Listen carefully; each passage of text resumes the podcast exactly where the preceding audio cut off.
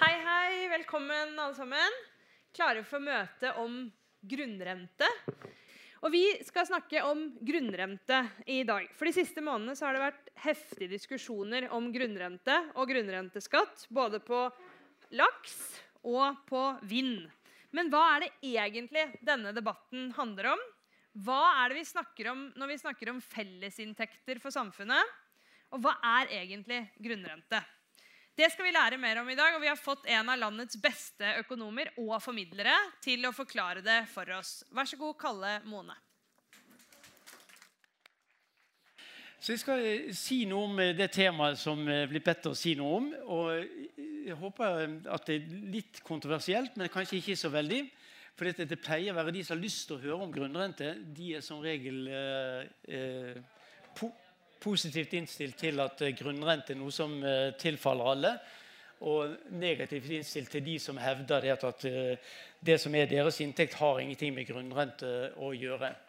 Jeg tenkte skulle begynne med et, et sitat som Marx-sitater pleier å være veldig populære. Nå var ikke han så veldig opptatt av grunnrente, men han sa et sted at i, i boka om uh, fattigdommens filosofi eller filosofiens fattigdom, som han kalte sin bok, men det var en kommentar til Proudhon sin bok, som het uh, 'Fattigdommens filosofi'. Han sa dette at, at uh, uh, the windmill gives us a society with a landlord, and the steam mill gives us a society with the industrial capitalist. Og nå er det akkurat som vi, Til tross for at vi er over den industrielle revolusjonen, og alle de tingene, så vender vi litt tilbake der the feudal lord igjen betyr mest. Og det har noen ting med teknologi å gjøre, ikke bare med vindmøller, men, men også med at det er havbruk, det er fiskeri, det er inntekter som kommer av eh, innsats fra flere innsatsfaktorer enn de som nødvendigvis jobber i aktiviteten. Det er klart at Den som ønsker at eh, inntekten av egen virksomhet bare skal tilfalle seg sjøl, vil jo ha en oppfatning av at dette er inntekt som er skapt. Ideene har skapt dette, initiativet har skapt dette, innsatsen har skapt dette. Ikke noe annet. Grunnrente betyr ikke noe annet enn at det er en leie. En Rent betyr egentlig leie. Og det, det, kom inn i det norske språket som grunnrente istedenfor grunnleie. så ville det være den naturlige oversettelsen. For rent på engelsk betyr leie. Så dette var egentlig ment at det skulle være en leiepris på de naturressursene som en disponerte. Enten det nå var jord, sjø, vann eh, eller hva det måtte være. Det som var naturens bidrag, skulle ikke den som drev aktiviteten, høste gevinsten av. Dette var fellesskapets eiendom, og derfor skulle en betale en leiepris for dette. Det er bakgrunnen for uh, grunnrente. Det kom inn i, og ble veldig sentralt i samfunnsdebatten på, faktisk på slutten av 1700-tallet. Eh, Thomas Paine, som sikkert mange har hørt om, som var en, en sosial reformator både i England og i USA. Eh, og i Frankrike. Han var eh, i, i Paris under, revolusjon, under, revolusjonen, under, revolusjonen. Ikke industriell revolusjon, under revolusjonen. Sammen med en rekke andre eh, opplysningsfilosofer og økonomer. det kan vi kalle de. Den gangen kalte de seg kanskje ikke for økonomer. Adam Smith var der også. og Han er kamerat med Thomas Paine. og og, og mange av de som vi har hørt om siden, Condorcet var der, og de hadde sterke oppfatninger om disse tingene. Det som Thomas Paine var veldig eksplisitt på, at dette skulle være grunnlaget for en, en, en inntekt til alle i samfunnet. Skulle, det som en skulle skattlegge, det var grunnrenten i samfunnet, og en skulle gi det tilbake til de opprinnelige eierne av la oss si det var innenfor nasjonen, eller hvor det var, eh, som var grunnlaget for det. Og Siden det så har det vært en kjempedebatt eh, om, omkring de tingene. Men for, for, opplysningsfilosofene og økonomene på den tiden så var det å ha en grunnleie eller en grunnrentebeskatning det det, det var det mest naturlige ting av alle. Eh, det var ikke bare Thomas Paine som heter Thomas Spence, som også får grunnleggende inntekt i samfunnet, så dette som en naturlig skatteobjekt. Henry George, som sikkert mange har hørt om uh, siden, han foreslo at dette skulle være den eneste skatten som skulle være i, i, i samfunnet. eh, skulle skattlegge all grunn med å skattlegge det som på en måte var naturens bidrag. For det var fellesskapets inntekt eh, i samfunnet og skulle derfor tilfalle alle sammen. John Stuart Mill var veldig opptatt av dette. Eh, nå hoppet jeg over Adam Smith, men han var veldig opptatt av dette også. Han mente at, at den avkastningen som en fikk på et jordområde, var, det var jo avhengig av den aktiviteten som var rundt dette området. Eh, F.eks. Et, et område i Oslo, Nordberg, for eksempel, blir mer og mer verdifullt selvsagt, jo mer attraktivt Oslo er som by å bo i. Og Det er klart at det er en grunnrente som øker i verdi. Alt avhengig ikke nødvendigvis av de som en gang fikk eiendomsretten til uh, områder på, på, Nordberg. Men, uh, men uh, pga. aktiviteten som gjelder hele Store-Oslo, og gjør Oslo til et attraktivt sted å være. Og Det betyr at en kan høste store gevinster på den verdiøkningen som er der. Alt dette er grunnrente eller grunnleie eh, i samfunnsmessig forstand. Adam Smith var veldig opptatt av dette. Han var veldig opptatt, sammen med andre klassiske økonomer, så var han veldig opptatt av at utviklingen på sikt ville være sånn at det var de som kontrollerte eh, jord, altså tilgangen på den knappe ressursen jord eh, i kanskje i utvidet forstand, innbefatter kanskje også vann og sjø, som gir naturressurser, de ville til slutt høste store deler, kanskje brorparten av, av eh, gevinsten av en positiv utvikling i samfunnet. For de eide den knappe ressursen, og de kunne høste grunnrente. Så den type økonomer fra 200 år tilbake var mye mer eh, opptatt av at grunneierne eller ressurseierne kom til å høste gevinsten av økonomisk aktivitet. Resten ville på en måte bli konkurrert bort. Men grunnrenten ville aldri bli konkurrert bort. Så grunnrenten ville utgjøre en økende andel av samfunnets inntekt over tid. Nå ble det ikke akkurat sånn, for de tenkte ikke så klart for seg hvordan eh, hvordan den teknologiske revolusjonen endret mye av disse tingene. Men fremdeles er det slik at grunnrente i de aller fleste samfunn utgjør en økende andel. Om det ikke utgjør brorparten, så gjør det en økende andel. Men det er ikke så lett å beregne. Og Derfor så er det veldig mye kontroverser knyttet til dette. En diskusjon som var allerede oppe på 1800-tallet. John Stuart Mill var veldig opptatt av disse tingene, hvordan en skulle beregne grunnrenten i samfunnet. Og Grunnen til det var at en skulle skattlegge det og gi det til alle. Hvis vi kan gjøre et stort sprang, Også konservative økonomer har vært opptatt av, av grunnrente. Deres motivasjon har vært at dette har vært et naturlig skatteobjekt kunne, dette her kunne en skatte uten å skade. For det er jo naturens bidrag, og naturen bidrar med sitt uavhengig hvor mye du skattlegger naturen eh, og, og deler på andre. Så, så, John Stuart Mill var veldig opptatt av dette. dette han skriver på midten av 1800-tallet. Av hvordan disse kunne brukes til å finansiere fellesgoder i samfunnet. Og egentlig var alles rett til inntekt så kom jeg til det som er konservative økonomer på 1900-tallet. Milton Friedman for eksempel, har vært veldig for uh, grunnrenteskatt. Og hvorfor det? I deres tilfelle er det fordi at det, dette er et egnet skatteobjekt. Du kan ikke så lett flykte, Det er ikke så lett å flykte til skatteparadis med grunnrenten. Iallfall ikke hvis du, hvis du skattlegger på det stedet der uh, grunnen fins. Nå er det litt vanskeligere hvis du har selskaper som driver dette. Det skal jeg komme inn på om et øyeblikk. Eh, men motivasjonen deres har vært egnet skatteobjekt, mens andre ting er, er mer kostbart å skattlegge. Så de, For de var det på en måte en måte å senke samlede skatter at du skulle skattlegge grunnretten. Og det er sånn som I de fleste saker så er det sånn at når det er, er veldig bredt sammensatt, de som støtter en sak, eh, men med forskjellig motivasjon, så er det ofte at du ikke blir så mye eh, ut av en sånn sak. Eh, som jeg sa innledningsvis, så, at, så er det kanskje vi er i en situasjon der på en måte føydalrettigheter tilsynelatende blir avgjørende for den inntekten som mange får i, i samfunnet. Um, la meg gi noen eks eksempler på hvordan det som jeg, sier, at det er noen som karer til seg grunnrente som skulle bli, eh, eh, tilfalle alle. De første eksemplene vi kan se på dette historisk, er enclosure movement, altså inngjæringsbevegelsen, særlig i England, som kom i flere bølger, alt tilbake fra 1200-1300-tallet, men også mye under den industrielle revolusjonen på 1800-tallet, så var det inngjæring av felleseid land. Og Dette var folk som med, med, støtte fra sine gode venner i parlamentet laget lover som var slik at det beskyttet uh, de nye såkalte eierne av, av jord. Mens det var opprinnelig felleseid, felleseide områder. Så det var ikke sånn at de sånn som vi nettopp har etablert, at de, at de kompenserte det som var fellesskapets eh, samlede eierrettigheter, ved at de nå tok over eh, jorden. Dette ble bare eh, gjerdet inn, eh, privatisert.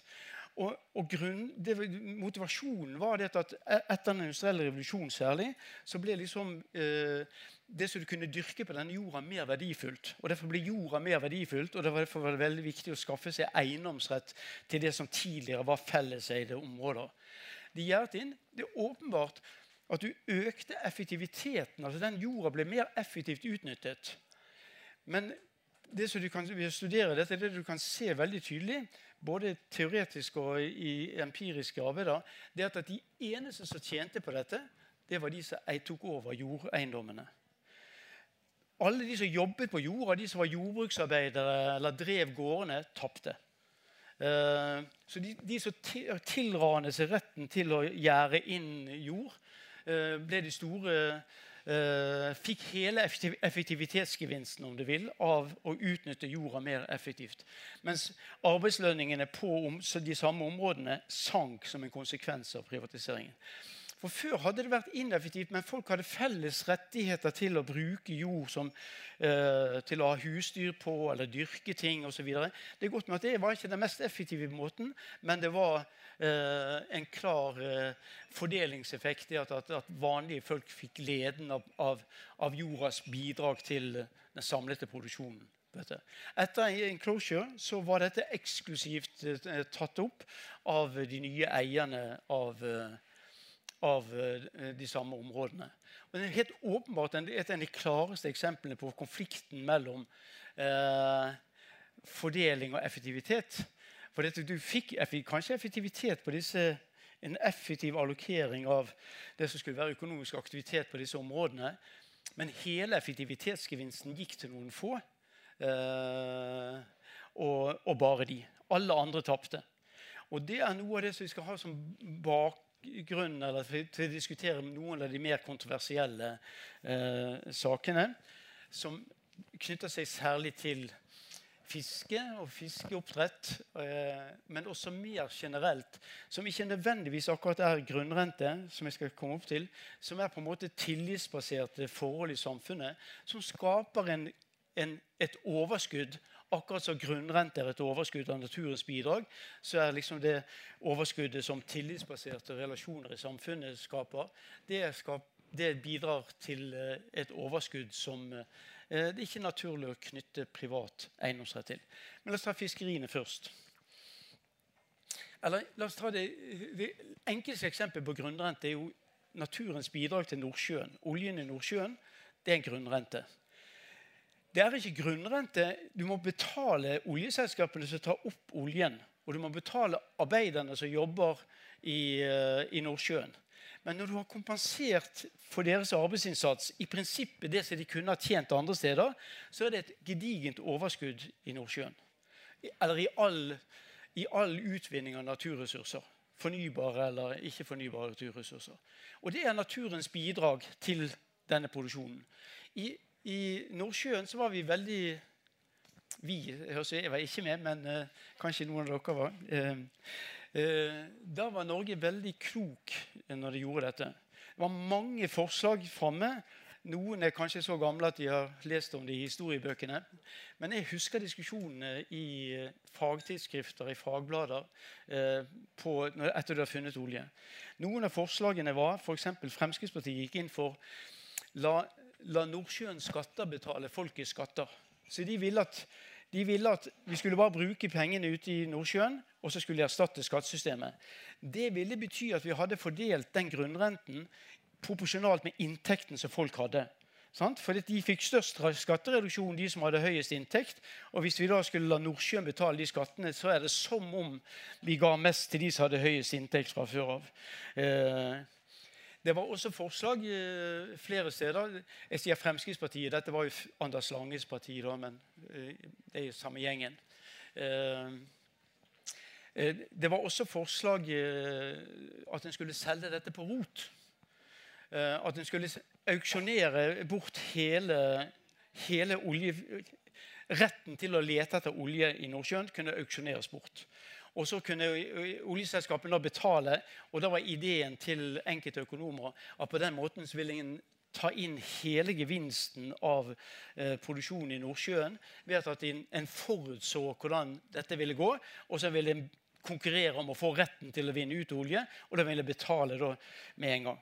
Hadde en gjort dette, eh, la oss si på 1970-tallet, så hadde vi tapt hele oljegevinsten i, i, i Nordsjøen. Hele, hele, overskuddet fra Nordsjøen ville bli tapt og gitt vekk til oljeselskapene. Noe à la det Danmark gjorde, eh, men med mye mindre oljereserver. Men det ga det til en skipsreder som, eh, som fikk retten til å betale litt for det. Eh, kjøpte retten til å utvinne det og beholdt hele gevinsten. Eh, jeg ser noen som nikker her, så det er godt at jeg hadde fått det riktig. Eh, ingen av, ingen av forslagene ble vedtatt. Det som ble vedtatt, det var en, en oljeskatt. Som en grunnrenteskatt men der på en måte oljeselskapene, før de beregnet denne oljeskatten i Nordsjøen, fikk trekke fra utgiftene de hadde til arbeidskraft og rimelige investeringskostnader osv. Så, så ble det et overskudd på toppen av dette. Det ble en slags superprofitt. Det er grunnrenten i dette tilfellet. Da har du kompensert de andre innsatsfaktorene. De har fått liksom det som eh, er deres bidrag. Så en, en får liksom, Oljeselskapene får eiendomsrett til des, deres bidrag i Nordsjøen. Og det som, er over, det som overskyter det av inntekt, det skattlegges eh, eh, som en, en, grunnrenteskatt. Dette, etter hvert så ble dette helt, Det var ikke kontroversielt i det hele tatt, men til å begynne med var det det. Og det, det er naturlig å trekke parallellen til fiskeri som, der det akkurat det, det prinsippet er veldig vanskelig eh, å få aksept for i diskusjonen. La oss begynne litt seint i, i, i grunnrentediskusjonen i, i, fiskeriene, nemlig med fiske, altså lakseoppdrett. Så den er den store eh, kontroversielle saken for tiden. Som de fleste her vet, så eh, ble det bestilt en utredning av eh, å skattlegge eh, oppdrettsnæringen. Eh, der Karen Helene Ultvedt Moe ble leder. og Det var en, en, noen andre fagøkonomer, og så var det eh, eh, representanter fra forskjellige organisasjoner i det utvalget. Det mest oppsiktsvekkende vil jeg si at LO LO er den som går imot grunnrenteskatt. Det er oppsiktsvekkende. Hvorfor? Jo, for det Helt siden 1700-tallet så har det vært liksom den progressive arbeiderbevegelsens sak i forskjellige varianter at i alle fall skal det være grunnrenteskatt. Det skulle finansiere velferdsstatsordninger, grunnleggende inntekt i samfunnet. Fra Thomas Paine til eh, John Stuart Mill og alle andre var absolutt for disse tingene. Men, men når det kommer til fiskeoppdrett, der det åpenbart er eh, grunnrente, etter min vurdering, så begynner plutselig eh, LOs representanter å være skeptiske til det. Hva er grunnrenten i fiskeoppdrett? Ja, grunnrenten i fiskeoppdrett er at det er et kjempeoverskudd etter at du har kompensert arbeidskraften, etter at du har kompensert for investeringene. Akkurat som i, i, i, oljenæringen. Så er det noen som sier det, jo, men vi, vi, holdt på en liten stund i forveien her, og da fikk vi ikke det helt til. Det må vi det, det, må vi ta med i bildet. Ja, det er greit. Det kan vel til og med være med å, trekke fra de eh, investeringskostnadene en hadde de syv vonde årene før en fikk det til. Eh, det kan godt være en del av, av tillempning av et sånt prinsipp. Men akkurat som i Nordsjøen så, ha, så bør en ha et system der en ikke baserer seg på at det bare at det kan kjøpe seg retten til å drive fiskeoppdrett. For Det er veldig vanskelig å forutse hvor stor grunnrenten kommer til å bli i framtiden i disse fjordene.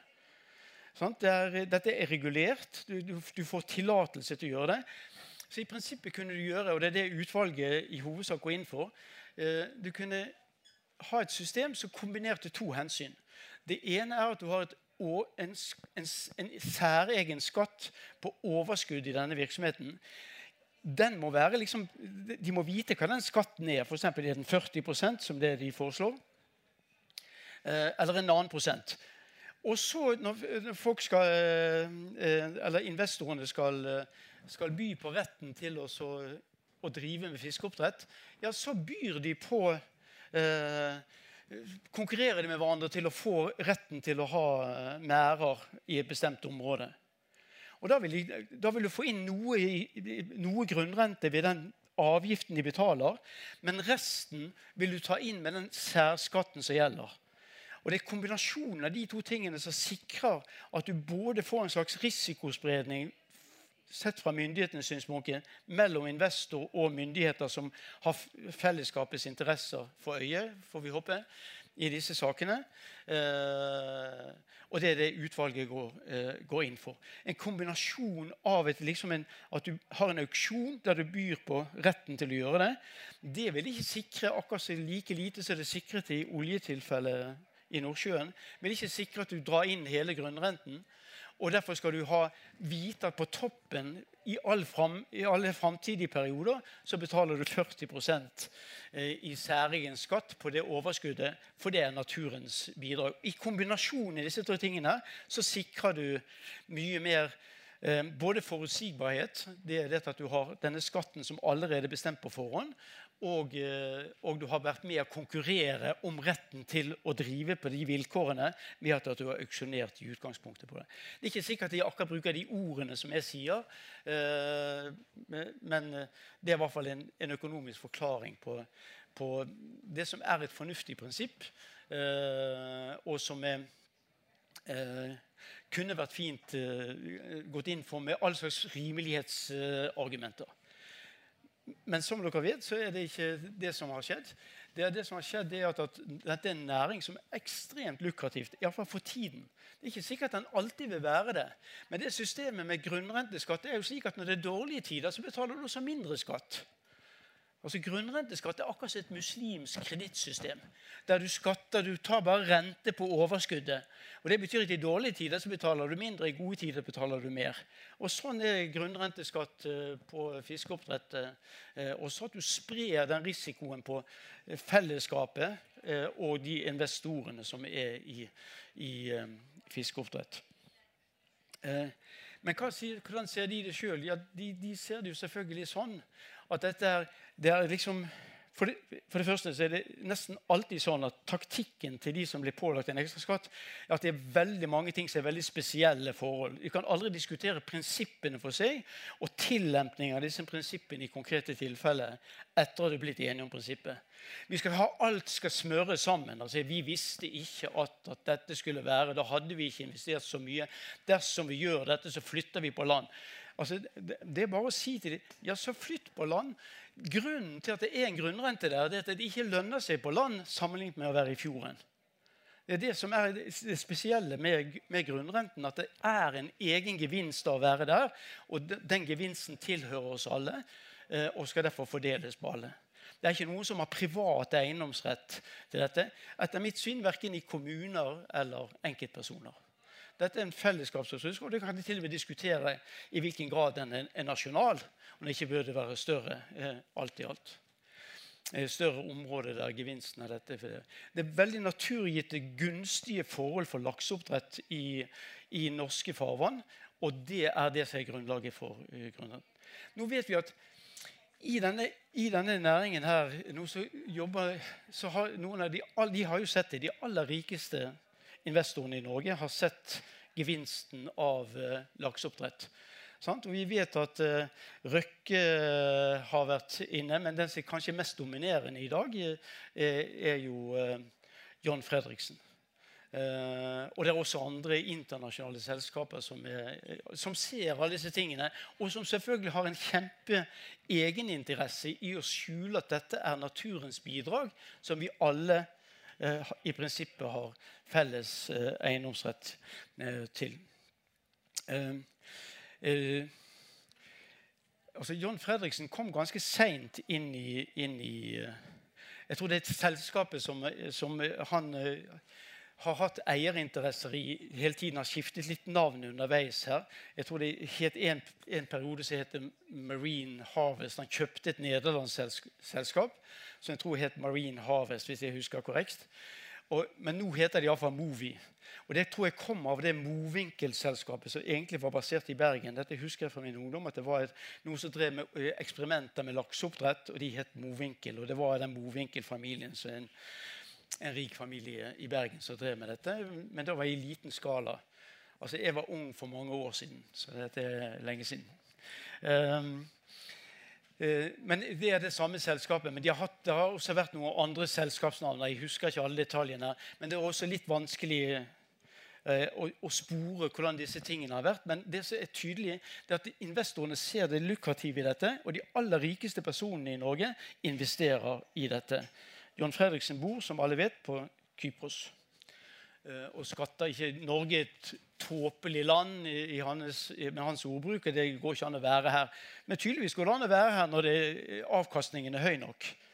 Eh, og, og det, Han har på en måte rett i at vi er tåpelige i den forstand at vi ikke har en, grunn, en grunnrenteskatt i, i, i, norske fjorder. Men det kan jo ennå bli eh, snudd om på. som sagt. Eh, det som er for eh, Eh, for noen av oss er det grunn til å være kanskje mest skuffet over LOs representant. Og det er egentlig litt flaut. Litt flaut å fortelle det til andre. at ja, og, LO det skulle være interesseorganisasjonen til det brede lag av arbeidsfolk i Norge. Eh, de var også villige til å gi dette vekk til, eh, til de sterkeste kapitalistgruppene i, i landet. Og egentlig er det, burde være mye mer av en slags reaksjon, protest mot dette. i, i i, Norge enn det har vært. Og det, Argumentet for dette at det liksom er at det er arbeidsplasser, det tror jeg for det første er veldig svakt. De, får jo trekke fra de utgiftene. Det, er, det, har ingenting med det å gjøre. Det, enten er det misforstått, eller så er det kjøpt og betalt. Uh, vi får håpe det er en misforståelse eller en svak forståelse av det. Men det er en konflikt innad i LO på dette området. Uh, at, at, mange av de representantene som driver med dette, er, er er på den siden som gjerne ikke vil ha beskatning her. Det kan, er lettere å forstå, men det er jo selvfølgelig like stor grunn til å protestere mot det for den som er interessert i sånne ting. For dette er jo La meg ta en liten digresjon. Altså, det er også En bruker språket på en litt forskjellig måte i forskjellige miljøer. Noen kaller alt for omfordeling. Det er som om det var liksom den naturlige tilstanden. Det var det at De som nå får inntekten, de skulle egentlig ha den. Men så kan vi omfordele litt til oss andre. Men det er jo omvendt. Det var jo Eierskapet til disse tingene var jo felles. Omfordelingen skjer når de kaprer rettighetene til å drive med dette uten å kompensere for den leie som de burde gi, grunnleie som de burde ha for å disponere de ressursene. Og, og, og, de tingene sauses litt sammen i all slags argumentasjon om spesielle forhold og alle ting trusler om hva som kommer til å skje hvis de ikke får det sånn som de vil. Eh, jeg tror det eneste en kan si, er at, at hvis det er grunnrente, ja, så er, de tom, så er de truslene tomme. For da er det mer lønnsomt å drive der som det drives nå, sammenlignet med det å flytte det til andre steder, eh, f.eks. på land. Uh, som vil være mer noe som du har skapt i seg sjøl, eh, en investering på, på land. La oss også ta fiske, fiskekvoter er i, i, i, nær slekt med dette. Sant? En, en gedigen privatisering av fellesskapets havressurser i verden. Det er nesten overalt i verden i dag. Dette var jo, altså når Robert Malthus kom til Norge, så trodde han det at langs kysten så Han reiste på en, en lang reise i Norge og så på leveforholdene i Norge. Og og han var veldig, da han kom til kysten, så tenkte jeg ja, her, det, kystfamilien må ha mange flere barn enn en de som har egne eiendommer, og småbruk inne i landet. For når de så liksom havressursene ute, det var uendelig med ressurser som alle kunne leve av. og Derfor var det ikke begrensninger på hvor mange barn de ville ha. Det er ikke så lett å finne dette igjen i, i, i statistikken, men det var en god observasjon. Men hva som har skjedd her? Det som var fellesskapets ressurs, som var felles eie, eid ressurs, ja, den blir privatisert. Den blir privatisert gjennom et fornuftig tiltak, så vidt jeg kan skjønne. Mye av dette kom som kvoter fordi at en hadde overfiske eh, av særlig av torsk. Og, så de hadde overfiske, så dette måtte det reguleres for å få opp bestanden igjen. Og, og når du regulerte dette, så blir jo den å få tak i den retten til å fiske å regulere retten til å fiske var fornuftig, men den kunne jo fordeles på en annen måte. Eller i hvert fall de som fikk retten til å fiske, måtte i hvert fall kompensere de andre som ikke fikk det. Det var ved å ta inn en grunnrenteskatt i det tilfellet og, og dele det likt eh, på alle i prinsippet. Det som skjedde var at Først så ble disse, jeg var så ivrig til å innføre disse kvotene at en privatiserte eh, uten å helt skjønne at en innførte jo et gedigent marked for de kvotene. Og det var, det var kvoter som, eh, som, var knyttet til fiskebåtene. Så en, en gammel båt kunne være verd 40-50 millioner. Og det var jo ikke båten som var, som var verdt det. Det var jo retten til å fiske som fulgte med den båten. som var verdt dette. Og På den måten så utkonkurrerte du du fikk et marked for disse tingene, så utkonkurrerte du helt det som var lokalbefolkningens interesse i å fiske og ha retten til fiske. For nå ble retten knyttet til de båtene som var der. Men etter hvert som båtene ble utstilt, så kunne du selge båten for en, kjempe, en, kjempeverdi, som reflekterte selvfølgelig verdien av å ha rett til å fiske, i, eh, de, fiske på de rike naturressursene som, som er her. Eh, til og med helt på sjarkfiske. Altså, Torsken kommer inn til kysten for å gyte, så mye fornuftig fiske kan foregå for sjarker det også er truet. For dette, igjen så kan det være oppkjøp av den sjarken sin rett til å fiske, som fremdeles eh, opprettholdes flere steder eh, i Nord-Norge. Men det kan også bli privatisert og bli et marked for, som noen få kan høste gevinsten av, eh, og som blir kjøpt opp av sterke kapitalinteresser som da eh, dominerer. Eh, vi vet at alle kan historien om Røkke, så la meg bare, så la meg bare minne litt om det.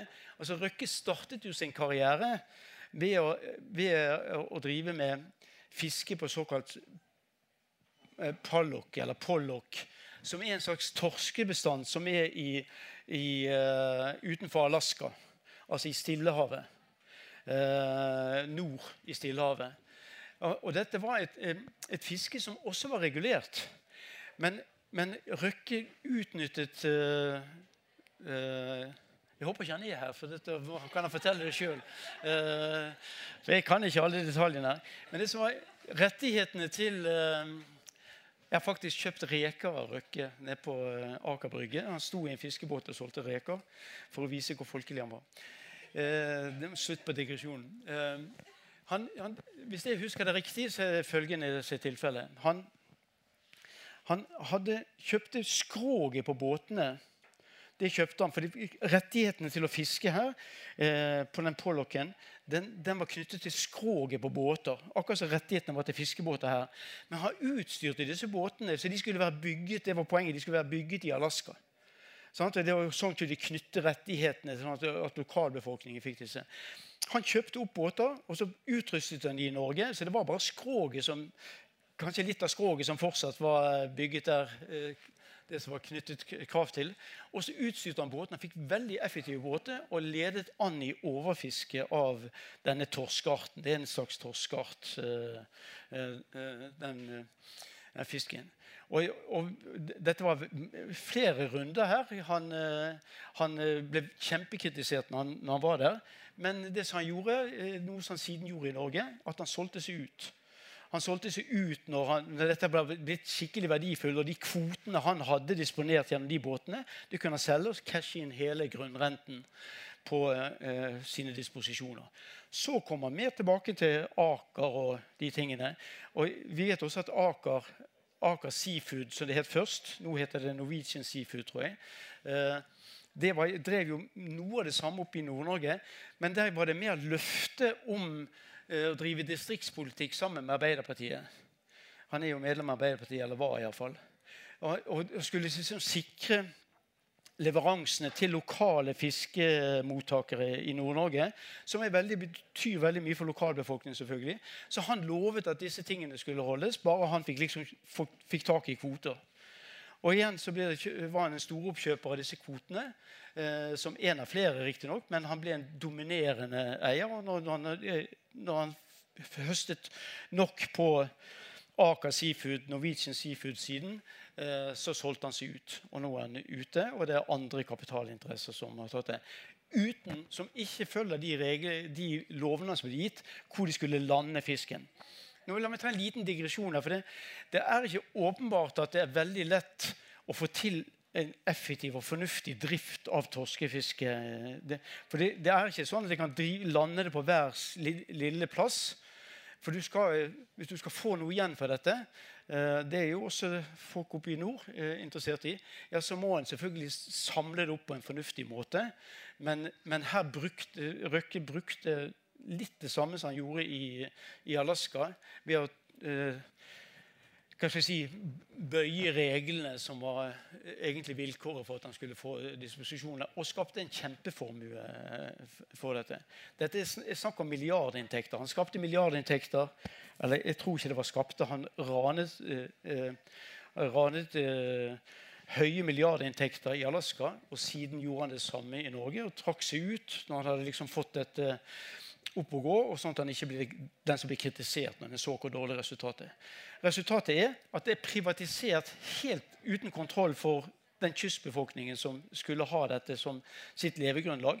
Det er konsentrert enorm eierkonsentrasjon i disse selskapene, så han høster gevinsten av det. La meg bruke de siste fem minuttene. Er det greit? Siste fem minuttene til å si at jeg, jeg, mener det er mange andre ting som ligner på dette, som sjelden kommer fram i det som blir kalt for grunnrentediskusjonen. Det har å gjøre med at f.eks. vi har fred i, i Norge. Det, folk holder fred med hverandre. Det er ikke mye streiker og lockout. Det er ikke mye konflikter i arbeidslivet. Det er en gevinst av det. Det er en gevinst av det som ligner på grunnrente. Det betyr at det, det, går bedre i norsk næringsliv fordi at en, en, har tillit til hverandre. En forstår hverandre, en har ordnet seg på en bestemt måte. En har gode eh, ordninger for hvordan lønns, eh, blir bestemt ved forhandlinger, kollektive forhandlinger. veldig ordnete forhold. Det er ikke store gevinster av dette. Det er store gevinster av at de har tillit med hverandre ved at du ikke trenger å ha så høye transaksjonskostnader og overvåkningskostnader i næringslivet. Eh, det er det store gevinster. Dette er det ikke naturlig at vi skal fordele etter hvem som har investert mest, eller hvem som har gått lengst på skole eller har høy inntekt. Men det er på, i realiteten det vi gjør. Vi burde si som så at det, ja, dette er en slags grunnrente, om en vil, som er er alles rettigheter. Vi holder fred med hverandre, og vi har alle en lik andel i disse tingene. Så det burde vært mye mer et utgangspunkt for en, en diskusjon om hvordan vi best skulle fordele disse tingene gjennom et, at du skattlegger den gevinsten og deler den på alle som har skapt den. Nemlig de som holder fred med hverandre, de som har tillit til hverandre. Det er ikke sånn at det er de som har investert mest, som har skapt mest tillit. Tvert om. Tilliten undermineres av at det er noen som høster hele gevinsten. Så Jeg, jeg synes Det er mye større utfordring enn den politiske og økonomiske debatten til å diskutere følgende spørsmål. Hvordan skal en ordne seg i samfunnet sånn at en skattlegger det som er på en måte fellesskapte ting, naturens bidrag, eh, enten det nå er olje, vann, hav, eh, fjorder eller også innenfor landområder, som jeg har liksom holdt litt utafor. Altså, grunnrenten i norsk jordbruk er antagelig negativ, men, eh, for de får jo støtte. Eh, men la det ligge foreløpig. Det kunne være innrettet på en annen måte. Men, men hvordan, skal en, hvordan, skal en, fordele denne høste av denne fellesinntekten som jeg mener det er i samfunnet? Mitt, beste, min beste gjetning ved å sammenligne land, land med gode og dårlige institusjoner, at denne fellesinntekten er veldig høy. En veldig høy andel av, av samfunnet. Samfunnets samlede inntekter. Og Det betyr at vi bør kunne skattlegge den på en sånn måte at den delen av inntekten blir større av at den fordeles likt på alle. Det beste forslaget jeg kunne tenke på, er litt sammen med en god kollega i India han bor i USA, men han er født og oppvokst i India. Eh, Debras Ray. Det er at dette bør høstes som et grunnlag for en felles inntekt til alle. Vi kaller det for universal basic share. At alle får en share. Det betyr altså en andel av inntekten, samlet inntekten i samfunnet. Da får en en slags kollektiv rasjonalitet bygd inn i, i alles interesse. Vi får nå alle interesse av at fiskeriene ordnes på en god måte. For vi får også en gevinst av dette ved at vi får enten 10% av de gevinstene, eller gjerne høyere for min del. andel. Og dette gir som, som en form for eh, borgerlønn, eller noe som ligner på en borgerlønnsordning. Vi gjør noe av dette allerede gjennom velferdsstaten, men vi fordeler det på en, litt, på en, måte som ikke vi får den følelsen av at dette er noe felles vi har. En felles inntekt vi har. Og I denne måneden så var det så så stor økning i fellesinntekten. Og så er det program på TV, og så er det stor fest, og vi fyller ølglassene. og sånn. Yeah, vi fikk det til i år. Da får du den stemningen av kollektivitet som egentlig realitetene innbyr til. At, at, at, vi har felles ansvar for dette. Hvis noen begynner liksom som Røkke og liksom beriker seg på fellesskapets interesser, så er det mye klarere at nå er det, vi alle blir straffet av dette. Sånn er det også i dag. Men vi ser det ikke tydelig nok. For vi har ikke en belønningsstruktur i samfunnet. Altså en universal basic share som går til alle. Altså en skattlegging av den samlede inntekten i landet som da deles likt på alle som en grunnleggende inntekt eller borgerlønn. eller hva du skulle si det. Og Ved å ha en sånn ordning så blir vi mye klarere på at vi ønsker ikke den formen for sløsing og egoistisk grabbing, så dette plyndring, eller hva du kan kalle det for, som dette representerer. Vi vil ha ordninger som er slik at vi ikke prioriterer særinteresser, for vi alle blir straffet av det. Disse fellesskapets bonus, fredsdividende, grunnrentebonus, eller hva du vil kalle det for. Alt dette kan sauses sammen i én ordning, der du bygger inn i systemet belønningssystemet i det tilfellet, en form for kollektiv rasjonalitet som både er kritisk til økende ulikhet, og som er med til å motvirke det. Den er kritisk til økende ulikhet fordi at, at uh, det vil vi tape på at, at den fellesskapets inntekt blir mindre. Dette vil også være et prinsipp som mye lettere kan tilpasses uh, teknologiske endringene, robotene kommer ja, Med en sånn Universal Basic Share så får vi en andel av gevinstene som robotene skaper. Mindre kontroversielt. By the way, altså Roboter kommer til å ta helt over på lakseoppdrett. Så de som sier de skaper, ja, det er helt åpent, for det er så åpenbart så lett å mekanisere. Du skal mate den fisken. Det er klart at det er robotoppgaver. Sånt? Det er nesten like lett å erstatte de som erstatter universitetslærere på universitetet. Nei, det var en spøk. Um, La meg eh, slutte, eh, avslutte med å si at jeg, altså jeg mener at det er, en, det er, en, grunnleggende inntekt, en felles inntekt i alle samfunn. Den kan være veldig høy. Det er godt mulig at den er større enn halvparten av nasjonalinntekten. Men det er blitt vanskelig å avgjøre det. Hvis du tar måte med grunnrente, oljeinntekten i Nordsjøen, eh, og du tar med disse tillitsbaserte ekstrainntektene som gode sosiale forhold innebærer i samfunnet, så er det godt mulig at det er en stor andel av den samlede inntekten. Så mitt enkle lille forslag det er skattlegg det på en slik måte at alle blir interessert i å gjøre denne stor, ikke liten. Det blir et oppskrift for et godt samfunn, et oppskrift på en mye mer egalitært samfunn. Og det blir et oppskrift på et samfunn som har sterkere interesse til å ta samlede miljøhensyn. Som tar mye sterkere interesse til å, til å ta fornuftige valg, sånn at du ikke får at noen særinteresser får fordeler. For da vil vi alle bli straffet på det. Slik er det i dag også, men da vil det være mye mer synlig. Ok, Jeg stopper der, men jeg svarer gjerne på innvendinger og spørsmål. eller hva det måtte være.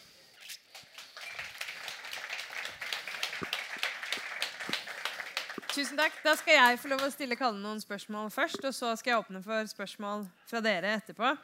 Jeg lurer først og fremst på, Du har jo snakka mest om eh, diskusjonen om skatt på oppdrettsnæringen. Eh, det blei jo en veldig oppheta diskusjon. Ble, er du overraska over det? Nei. Overhodet ikke. Men eh, jeg er overrasket over hvem som sier hva. Og det sa jeg litt at eh, jeg synes det er en en gedigen nedtur når LO opptrer sånn som de gjør. Min favorittorganisasjon opptrer på en sånn måte som er mot fellesskapets interesser. så vidt jeg kan skjønne. Mm. Karen Lene Ulltveitmo sa jo at hun aldri hadde opplevd en så sterk lobbyorganisasjon, eh, eller så mye eh, makt i diskusjonen tidligere. Du har jo vært opptatt av dette med at økonomisk makt også gir politisk makt. Um, og det er kanskje denne situasjonen et eksempel ja. på. Men hvordan rigger vi oss som samfunn for å motvirke det? At, at økonomisk makt også kan bidra til politisk makt? Ja, det er først og fremst at en har mindre forskjeller. For da har jo alle en likere maktfordeling enn, en du ellers ville hatt. Altså, altså, grunnrenten i, opp, i oppdrettsnæringen dette, dette, vet jeg ikke, så nå tar jeg bare uh, det som er beste gjetning. Og den gjetningen baserer seg litt på utredningen. Det er omkring 40 milliarder. Det er ekstremt høy. Hvem vil ikke satse hardt på å få beholde de 40 milliardene sjøl, framfor å dele dem med andre? Altså, jeg må jo, jeg må jo, når det er så store verdier på spill, for noen få. Og sånn de trenger ikke være, at de tenker ikke på seg sjøl som en plyndrer. De tenker på seg sjøl kanskje som en som bidrar til fellesskap eller har en forståelse. Det er rollen som ideologi spiller. Altså Vi har evnen til sjølrettferdiggjøring. Den er stor for oss alle, også for rike folk. Så, så jeg, jeg, tror det er ikke noen annen måte å gjøre det på enn prøve å vaksinere seg mot det. Men det viktigste må jo være at det som er interesseorganisasjonene til breie lag i det norske folk, de må i hvert fall se breie lag av det norske folks interesser, og ikke begynne med særinteresser. og være eh, det, det, det, det, er ikke noen annen måte å vaksinere seg mot det på enn å forsøke å omfordele. og Da blir makten likere. og Da ser vi også, ser vi også klarere hva som er felles interesser, og hva som er motstridende interesser. Du, det, ser du flere eksempler på det samme i dag? At kapitalen har fått så mye makt at det gir seg utslag også i politisk makt? Er det noe maktforskyvning her? Ja, det, det, tror jeg, men minst i Norge sammenlignet med mange andre land. Altså Det du ser i de fleste land, er at andelen som går til lønnstakere av den samlede inntekten i de enkelte land, har en fallende tendens. Og Det viser at, at, at mer av samfunnets inntekt går til noen få. Uh, noen få sammenlignet med flertallet, men faktisk er det altså, Kapitalistklassen, eller hva skal si, overklassen i Norge, er, er, er, er folkerik. Altså, mange, vi har en stor overklasse sammenlignet med andre land. Og grunnen til det er jo at, at, det er store gevinster av at vi holder fred med hverandre, at vi har tillit til hverandre. Det er store ekstra gevinster av det. Og det betyr det at, at ja, at vi får flere av de, med, siden det er fri, fri, etablering i overklassen, om du vil. Eh, ikke, du trenger ikke søke om det. Du kan bare eh, arbeide hardt for å bli det. La meg si det på en, en, en litt eh, Jeg kan ta flere spørsmål først. du, kan, du kan fortsette. Ja, jo, jo, men uh, det så lett. Ja. Okay. Men hvis vi går tilbake til dette med eh, naturressurser Vi har jo både diskutert det, du var innom det på, på fisk og på vind eh, og, og på, på hav. Ehm, men hvis man skal prøve å se framover i tiden, er det noen andre ting man kan tenke seg at det også foreligger grunnrente? Noen har jo vært litt inne på det med, med på hodene våre. ikke sant? Teknologiselskaper og sånn tjener jo penger på at vi deler data, at vi deler eh, med hverandre. Eh, du var også inne på dette med tomter i pressområder i byer som blir mer verdt pga. investeringene samfunnet gjør. Eh, er, det, er, det, grunnlag for å ilegge grunnrenteskatt på sånne type ting? Er det noen andre områder? De fleste av de debattene der er jo snudd helt på hodet. for de, spør har vi råd til å ha en velferdsstat. Har vi råd til å ha omfordeling. Det, det Spørsmålet burde jo vært sånn Har vi råd til å ha så mange rike? Det er jo det som er spørsmålet. Har vi råd til å, til å fordele så stor inntekt til, til, folk som bare får av felles eh, inntekter? Eh, det er det viktigste. Ta, ta mange av de du tenkte, teknologiselskaper. Hva er det de tjener på? De tjener på den siste implementeringen av en investering. Og sette den ut i livet. Men selve investeringen, det er akkumulering av kunnskap knyttet til IT eller knyttet til uh, hva det måtte være, det er jo statssubsidierte forskningsprosjekter verden, over hele verden som da høstes gratis av akkurat som grunnrente. Gratis av eh, folk som er smart til å ta den siste implementeringen. Nå kan du si Vi er kanskje dumme som ikke gjør det sjøl, men, men eh, jeg syns ikke det skal være en, en, belønning for å gjøre dette så ukritisk som dette gjøres. Ta, eh, altså, det var ikke Google som oppfant Internett. Det var overhodet ikke de som oppfant det. De fant en liten tilpasning på Internett som har gjort de styrtrike. Uh, og sånn vil du finne eksempel etter eksempel. Og Det generelle er jo at vi lærer av hverandre. det er en, en slags komplementaritet i, i, måten vi lærer av hverandre. At vi lever i samfunn, så lærer vi av hverandre.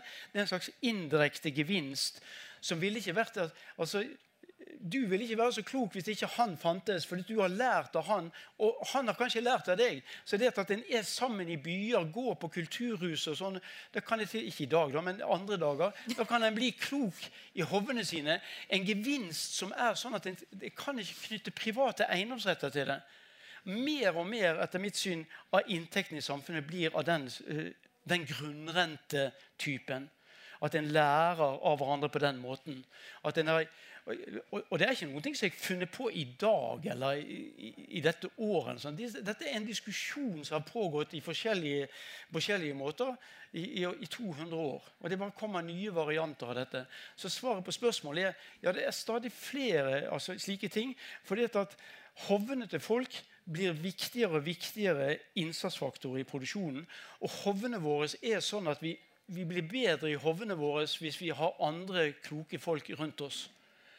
Men, men den, den, den, verdien som skapes der, den kan ikke fordeles eh, på den måten som enkelte tror er, den rettferdige måten. For vi har ikke et opplegg i tankegangen. Vi, ikke, vi kalkulerer ikke liksom fellesinntektens størrelse i den samlede inntekten. Altså, vi burde jo få et, et nasjonalregnskap hvis en hvis en slår litt på stortrommen. Så ikke bare ta hensyn til miljøkostnader, som er jo ikke med i opplegget, men så også ta hensyn til at det er noe som skapes som ikke det er privat eiendomsrett som har skapt, eller som det ikke går an å knytte privat eiendomsrett til. Det er ikke meningsfullt engang. Og det betyr at det er mye mer av samfunnets inntekt som burde fordeles på den måten. Tusen takk. Da åpner jeg for spørsmål. Er det noen som har noen spørsmål? Ja? Har vi en sånn håndholdt mikrofon? Skal jeg ta det?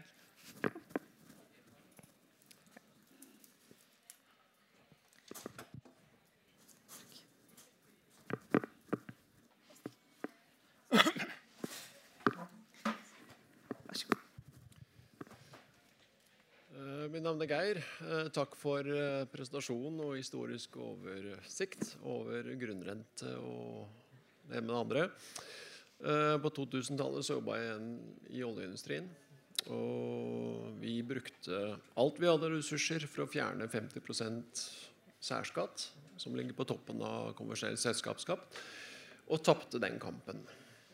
Eh, vi hadde et eh, samla storting som gikk imot dette her, og jeg stilte i møte med regjeringen og departement og ble fortalt fra Finansdepartementet at et prosjekt som er lønnsomt før skatt, er alltid lønnsomt etter skatt.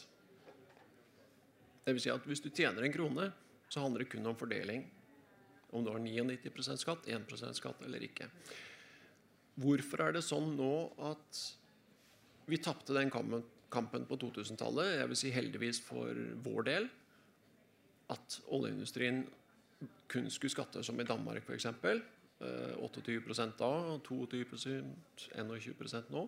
Hvorfor er det sånn at vi ikke lykkes med bedre Eh, skattlegging når embetsverket innser at eh, et prosjekt som er lønnsomt før skatt, også er lønnsomt etter skatt? Jeg, lurer på det, Måten du formulerer det på Jeg eh, vet ikke om det treffer helt min oppfatning om det. Men, men Du kan ha rett, og jeg kan ta feil. Men, men jeg, sånn jeg, jeg, ser det som det som de sier, det er at en ønsker et skatteopplegg som er slik at det som er lønnsomme investeringer før skatt, skal også være lønnsomme investeringer etter skatt. En måte å se det på det er at du, tar de aktuelle investeringsprosjektene som f.eks. i olje eller i fiskeoppdrett, eller hva det måtte være, og så rangerer du de fra de mest lønnsomme til de minst lønnsomme før skatt. Den rangeringen vil være akkurat den samme også etter en grunnrenteskatt. For grunnrenteskatten knytter seg til det overskuddet som dette er. Så det, så, og det å maksimere 60 av overskuddet. Det er det akkurat det samme som å maksimere overskuddet. Så det betyr rangeringen. Si Det første var, det var en lønnsomhet på 10 milliarder, det neste var 8 milliarder, så var det et på 5 milliarder osv. Ja, hvis du tok det etter, etter, at det var 60% av det, ja, så var det 6 milliarder i det første tilfellet som ble nettoen. Eh, hvis du beholder 60 eh, Og så var det 44,2 milliarder i det andre tilfellet osv. Det er akkurat den samme rekkefølgen på rangeringen. Så det vil si det som var mest lønnsomt å investere i før eh, grunnrenteskatten er også det mest lønnsomme å investere i etter grunnrenteskatten. Nå er det litt mer komplisert, så dette er bare rangeringen av det. Det kan være noe risiko knyttet til dette, sånn at du vil ha Du ønsker å ha en kompensasjon for den risikoen du tar ved å ta den investeringen. Men det grunnleggende prinsippet det som de snakker om investeringsnøytralt uh, skatteregime, det er det som jeg sa, at du beholder den samme rangeringen av prosjekter. Uh, men uh, med det som de har foreslått i, i havbruk, med 40 uh, skatt, så, så, har de egentlig tatt litt høyde for at, at det er noe slingringsmonn her.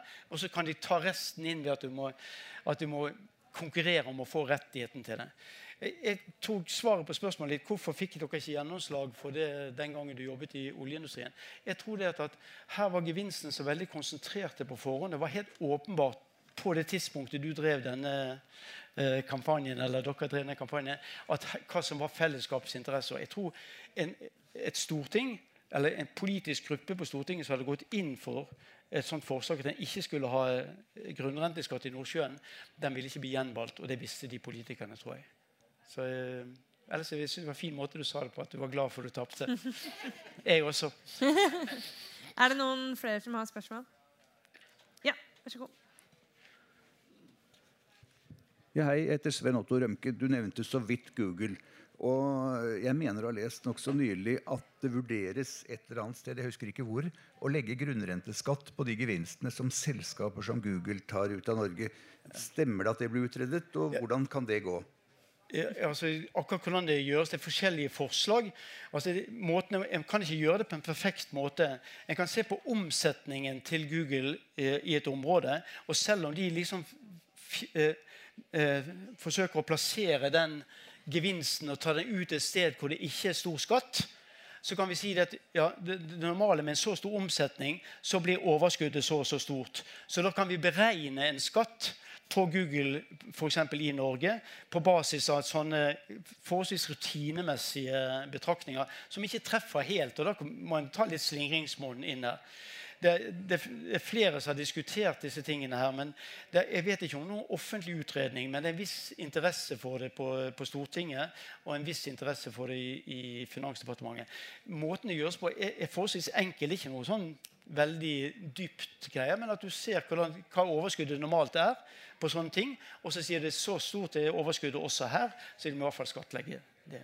Så det, det ville være noen ting som ville være fornuftig. For sånn som det er nå med at du skjuler dette i skatteparadiset og tar det ut der, skatte, der skattesystemet inviterer til dette eh, med lave skatter, eh, det er ja, noe som vi taper på, iallfall. Er det noen flere spørsmål? Et siste spørsmål her.